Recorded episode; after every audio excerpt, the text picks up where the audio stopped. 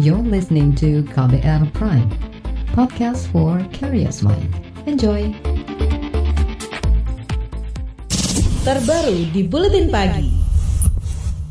Saudara Menteri Kesehatan Terawan Agus Putranto menetapkan status pembatasan sosial berskala besar atau PSBB untuk tiga wilayah Provinsi Banten, yakni Kabupaten Tangerang, Kota Tangerang, dan Kota Tangerang Selatan. Penetapan itu ditekan melalui keputusan Menteri Kesehatan yang ditandatangani oleh Menteri Terawan di Jakarta Minggu 12 April 2020.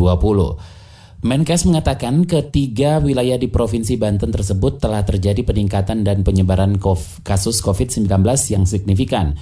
Setelah diterbitkannya keputusan Menteri Kesehatan tersebut, pemerintah Banten wajib melaksanakan PSBB dan secara konsisten mendorong serta mensosialisasikan pola hidup bersih dan sehat kepada masyarakat. Pemerintah Jawa Barat akan memperlakukan pembatasan sosial berskala besar atau PSBB selama 14 hari di lima daerah mulai Rabu ini. Kelima daerah itu adalah Kabupaten dan Kota Bogor, Kota Depok, serta Kabupaten dan Kota Bekasi. Menurut Gubernur Jawa Barat Ridwan Kamil, PSBB di Kabupaten Bogor dan Kabupaten Bekasi akan diberlakukan secara maksimal sesuai dengan zona merah. Oleh karena itu, Kabupaten Bogor dan Kabupaten Bekasi memutuskan PSBB-nya terbagi dua. Di zona merah, kecamatan-kecamatan tertentu PSBB-nya maksimal. Di non-zona merah, PSBB-nya akan menyesuaikan antara minimal sampai kelas menengah kira-kira begitu. Khusus untuk Kota Depok, Kota Bekasi, dan Kota Bogor akan melaksanakan istilahnya PSBB maksimal.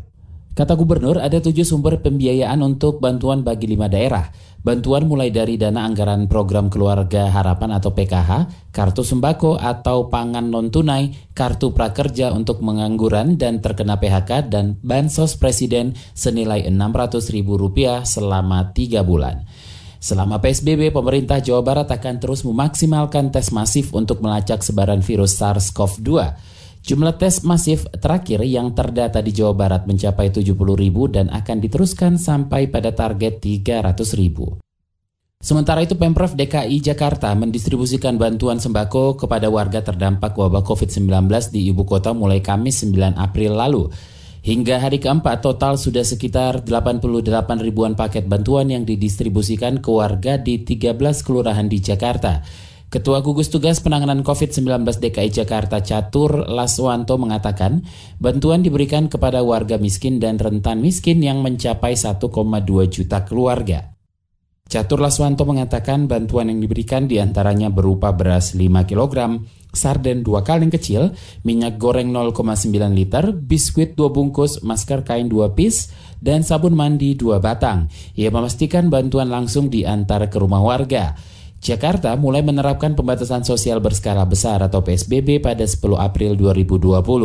PSBB ditetapkan karena Jakarta merupakan epicentrum kasus COVID-19 di Indonesia. Saudara pemerintah menyebut pembatasan sosial berskala besar atau PSBB di Jakarta, Jabar, dan Banten dapat memutus mata rantai penyebaran COVID-19.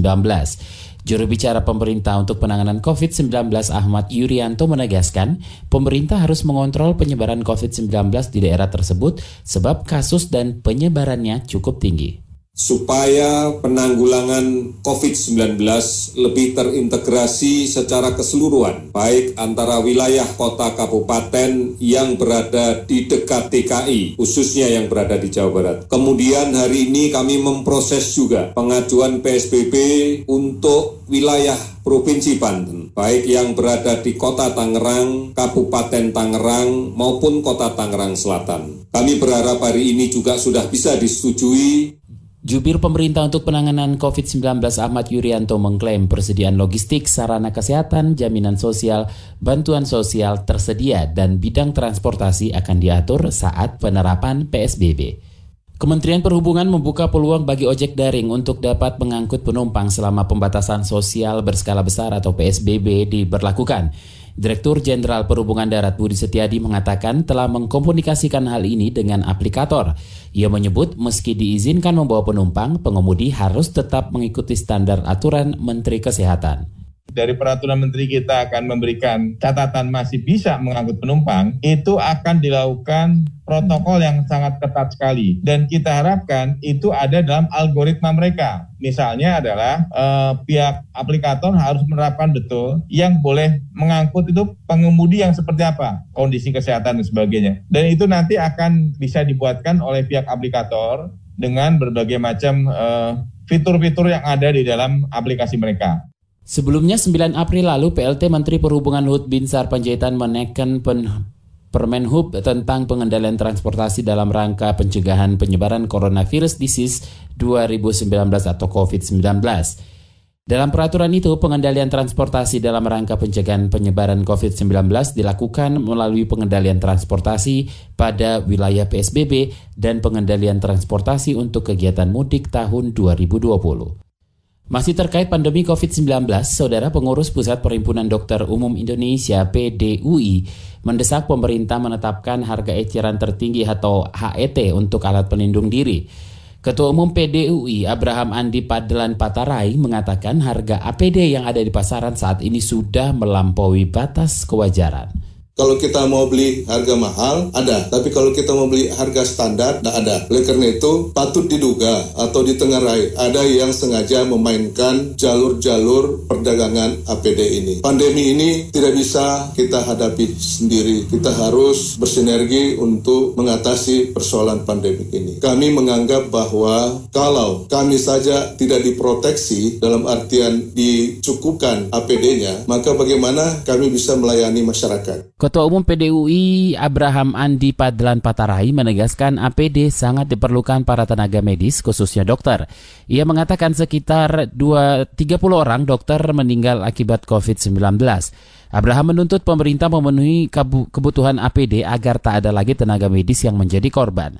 Sebelumnya, PDUI mengirimkan surat terbuka kepada Presiden Joko Widodo pada Jumat 10 April kemarin dan surat ini menegaskan COVID-19 bukanlah penyakit yang dapat sembuh dengan sendirinya seperti perkataan Menkes Terawan Agus Putranto. Mereka juga mendesak pemerintah memperbanyak tes untuk masyarakat yang meminimalisir penularan.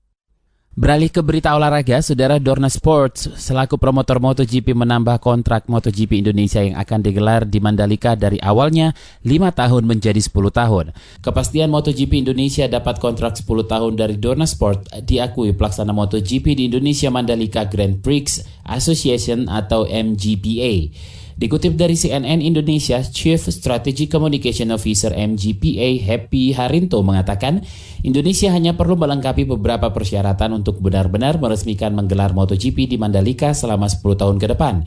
Terkait penyelenggaraan MotoGP Indonesia pada 2021, MGPA memastikan persiapan dan pembangunan berjalan sesuai jadwal meski di tengah pandemi COVID-19. Saat ini pengerjaan sirkuit Mandalika sudah mencapai 30 persen. Pemerintah optimis kartu prakerja tepat sasaran, informasinya usai jeda tetaplah di Buletin Pagi KBR. You're listening to KBR Pride, podcast for curious mind. Enjoy!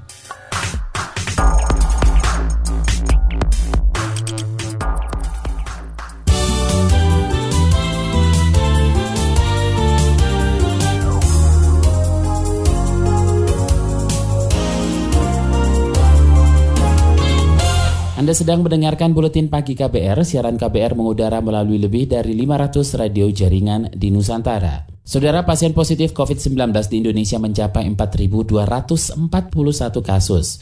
Juru bicara pemerintah untuk penanganan COVID-19 Ahmad Yuryanto mengatakan, pertambahan kasus terbanyak pada Minggu 12 April ada di Jawa Timur dengan 119 kasus. Kasus positif yang kita dapatkan per hari ini sebanyak 399 orang, sehingga totalnya menjadi 4.241 orang. Kasus sembuh 359 orang. Kasus meninggal ada penambahan 46 orang menjadi 373 orang. Hingga kemarin kasus positif COVID-19 terbanyak berada di Jakarta dengan jumlah 2044 kasus. Sedangkan kasus kematian terbanyak terjadi di Jakarta, Jawa Barat, Jawa Timur, Jawa Tengah, Banten, dan Sulawesi Selatan.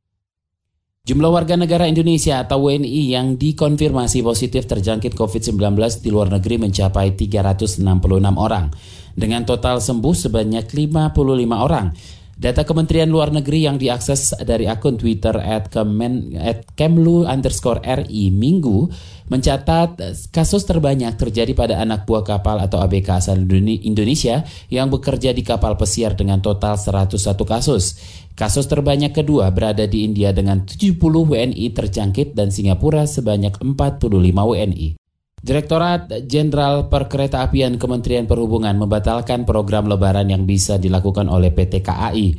Sekretariat Ditjen Perkeretaapian Kemenhub Zulma Fendi mengatakan program yang dihapus adalah angkutan motor gratis dan penambahan kereta pada saat mudik lebaran. Hal ini dilakukan sebagai langkah pencegahan penyebaran virus COVID-19. Pertama adalah untuk angkutan motor gratis. Kami sampaikan sekali lagi bahwa untuk angkutan motor gratis yang selama ini setiap tahun kita programkan dalam rangka mudik, ini tahun ini kita batalkan atau kita tunda. Nah, yang kedua adalah bahwa untuk kereta api tambahan lebaran ya yang selama ini juga kita programkan untuk tahun ini kita tiadakan Bapak Ibu sekalian. Selain itu ada pengurangan jam operasional kereta sesuai ketentuan yang ditetapkan oleh Badan Pengelola Transportasi Jabodetabek atau BPTJ. Kereta komuter lain beroperasi mulai pukul 6 hingga 18. Saudara Kementerian Pemberdayaan Perempuan dan Perlindungan Anak PPPA menyebut banyaknya informasi di internet terkait COVID-19 dapat mengganggu psikologis anak. Sekretaris Deputi Bidang Tumbuh Kembang Anak Kementerian PPPA, Eko Novi Arianti mengatakan, orang tua harus selalu mendampingi dan memperhatikan informasi apa saja yang didapat oleh anak. 70% anak mempercayai bahwa informasi yang mereka terima adalah valid dan mereka 73% anak menganggap bahwa informasi yang mereka terima sudah cukup. Pengaruh penyebaran COVID-19 pada anak itu adalah mereka menyatakan bahwa sebagian besar anak menjadi sangat waspada terhadap situasi. Namun ada juga yang paranoid, tapi ini juga harus kita waspadai karena mereka juga akan mengganggu psikologisnya atau menganggap hal ini biasa saja akan membuat anak tidak peduli terhadap kondisi ini. Sekretaris Deputi Bidang Tumbuh Kembang Anak Kementerian PPPA Ekonomi Arianti menegaskan informasi harus meningkatkan kepedulian anak terhadap kesehatan sehingga mereka menerapkan pola hidup sehat dan bersih di tengah penyebaran COVID-19. Menteri Koordinator Bidang Perekonomian Erlangga Hartarto optimis program Kartu Prakerja akan tepat sasaran. Sebab menurut Erlangga program ini dibuka secara daring sehingga seluruh warga yang terdampak bisa langsung mendaftar di situs resmi pendaftaran Kartu Prakerja. Rencananya pembagian Kartu Prakerja ini akan menyasar 5,6 juta peserta di seluruh Indonesia. Dengan sistem online, maka sistemnya adalah sistem terbuka, open access dan open access itu karena sifatnya digital dari mana pun bisa dan nanti kami uh, mesin akan membaca dan tentu akan memilah-milah untuk menerima gelombang pertama. Jadi tidak di secara spesifik per daerah. Kemarin per daerah kita akan siapkan karena pelatihannya sifatnya offline, tetapi yang kali ini adalah sifatnya online. Selain itu, Erlangga mengklaim pemerintah telah mengumpulkan data-data calon peserta yang berhak menerima fasilitas tersebut, termasuk data-data dari sektor paling terdampak seperti sektor pariwisata, industri, dan UMKM. Pada Sabtu pekan lalu, Menteri Koordinator Bidang Perekonomian Erlangga Hartarto membuka pendaftaran tahap awal Kartu Prakerja. Pendaftaran ini dibuka sampai Kamis besok dan di tahap ini pemerintah memberikan kuota bagi 164 ribu masyarakat untuk mendaftar di program Kartu Prakerja. Beralih ke informasi ekonomi, Kementerian Perhubungan berencana menaikkan tarif batas atas atau TBA tiket pesawat. Direktur Jenderal Perhubungan Udara Kemenhub Novirianto mengatakan rencana ini merupakan imbas dari penerapan Permenhub tentang pengendalian transportasi yang mengatur jumlah penumpang dalam pesawat hanya boleh 50% dari kapasitas total kita menghitung e, seolah-olah penumpang yang satu ini menjadi dua karena kan kapasitasnya adalah hanya 50% dibatasi maksimal. Ya kalau hitung-hitungan secara kasar roughly mungkin bisa dikatakan hampir dua kali lipat plus yang lain-lain ya pajak-pajak dan lain sebagainya. Jadi untuk TBA tidak ada kepada penumpang. Subsidi-subsidi sesuai dengan apa yang sudah dikoordinir oleh Bapak Menteri Perekonomian, subsidi-subsidi ini nanti akan kita arahkan kepada airline dan operator-operator. Terkait dengan harga tiket akibat pengurangan jumlah penumpang pesawat, Novi mengatakan kemungkinan kenaikan harga tiket untuk menutupi kerugian maskapai penerbangan. Pembelian tiket pesawat dan check-in juga akan dilakukan secara online sehingga minim kontak dengan petugas bandara. Ia menambahkan tidak ada penutupan bandara selama masa PSBB. Seluruh jalur udara Indonesia juga akan dibuka untuk penerbangan. Laporan khas KBR tentang menuntut keadilan bagi transpuan Mira akan hadir usai jeda tetaplah di Buletin Pagi KBR. You're listening to KBR Pride, podcast for curious mind. Enjoy!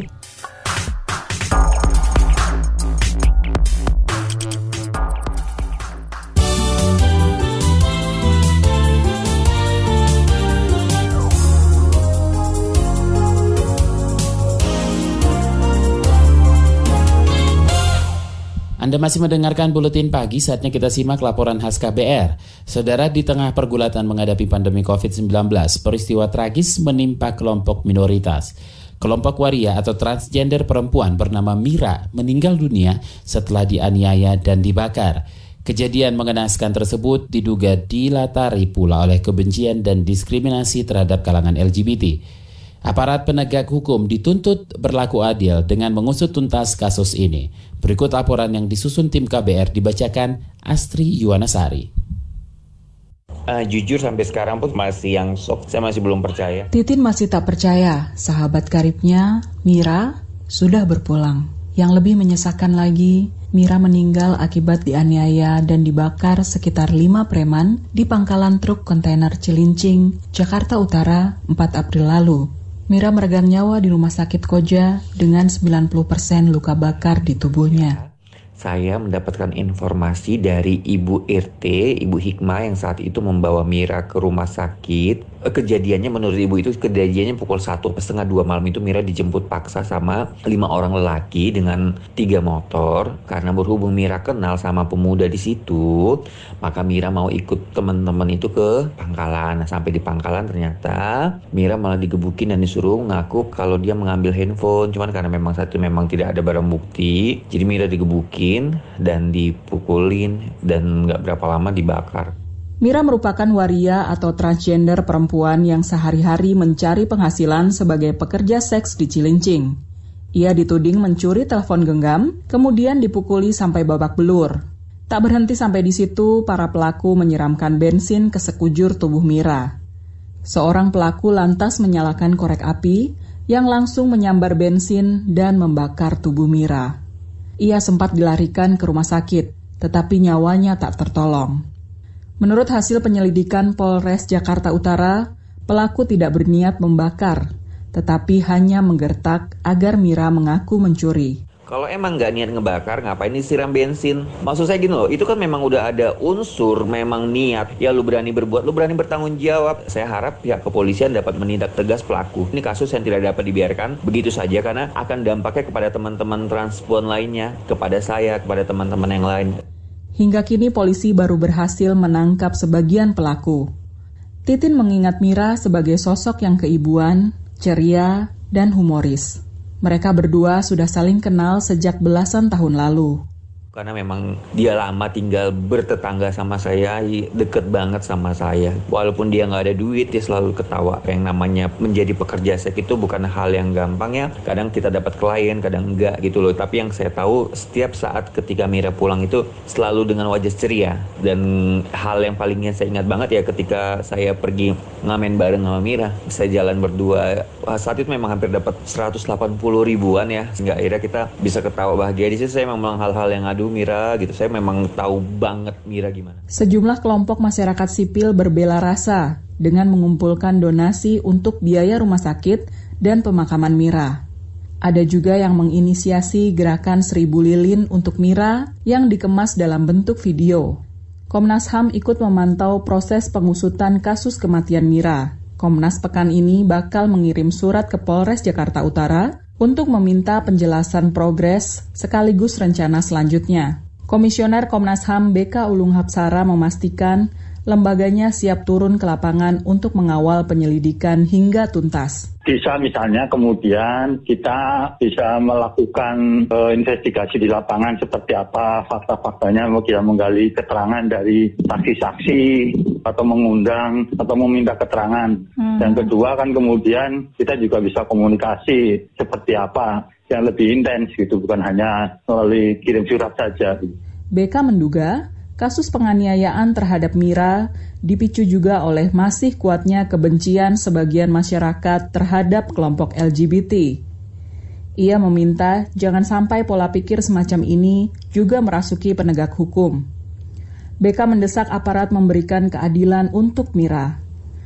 Pengusutan kasus Mira juga menjadi perhatian Komisi Kepolisian Nasional atau Kompolnas. Komisioner Kompolnas Pungki Indarti menyebut telah secara khusus meminta Polda Metro Jaya memastikan seluruh pelaku kekerasan terhadap Mira dihukum setimpal. Menurutnya, tindakan para pelaku sangat biadab dan mengusik rasa kemanusiaan dan itu anu, menja, apa, menjadi perhatian masyarakat umum karena itu tingkat brutalitasnya tinggi sekali itu kelompok-kelompok preman-preman itu. Nggak bisa dong, dan ini diskriminatif banget itu uh, cara mereka memperlakukan transpuan seperti itu. Apalagi juga mereka nggak bisa main hakim sendiri seperti itu toh modelnya. Jadi ini mesti harus ditindak tegas, jangan sampai dijaring dengan pasal-pasal yang ringan karena uh, pasti akan uh, nggak ada efek jerah kalau seperti itu. Demikian laporan yang disusun tim KBR, saya Astri Yuwanasari. Informasi dari daerah akan kami sajikan usai jeda tetaplah di Buletin Pagi KBR. You're listening to KBR Pride, podcast for curious mind. Enjoy!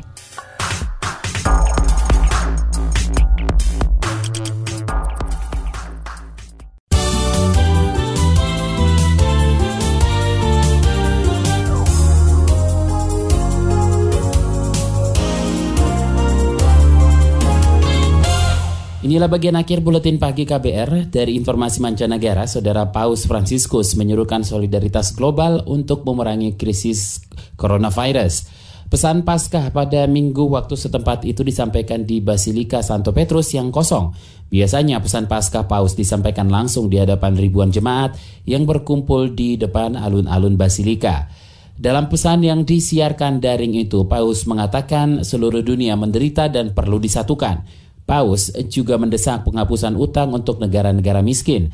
Kata dia tahun ini harus menjadi tahun penularan harapan. Dia meminta para pemimpin bekerja untuk kebaikan bersama. Hingga semalam COVID-19 sudah menginfeksi lebih dari sekitar 1,8 juta orang. Penyakit yang menyebar di lebih 200 negara itu ini menyebabkan kematian sekitar 110 ribu orang.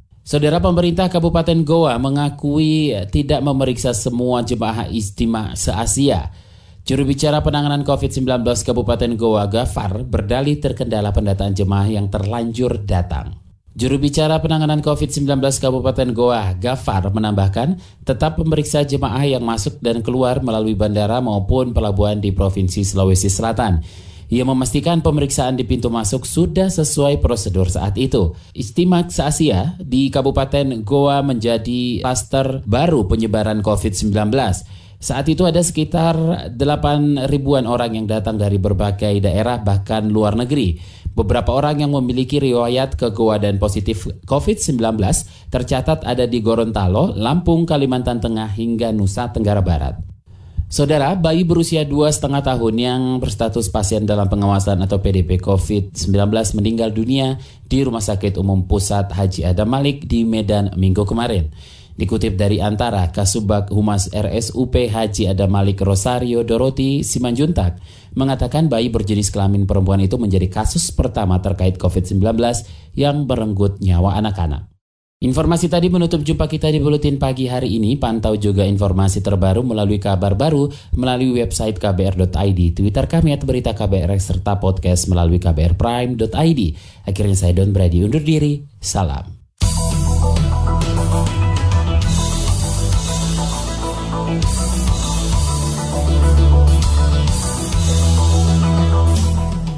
KBR Prime, cara asik mendengar berita. KBR Prime, podcast for curious mind.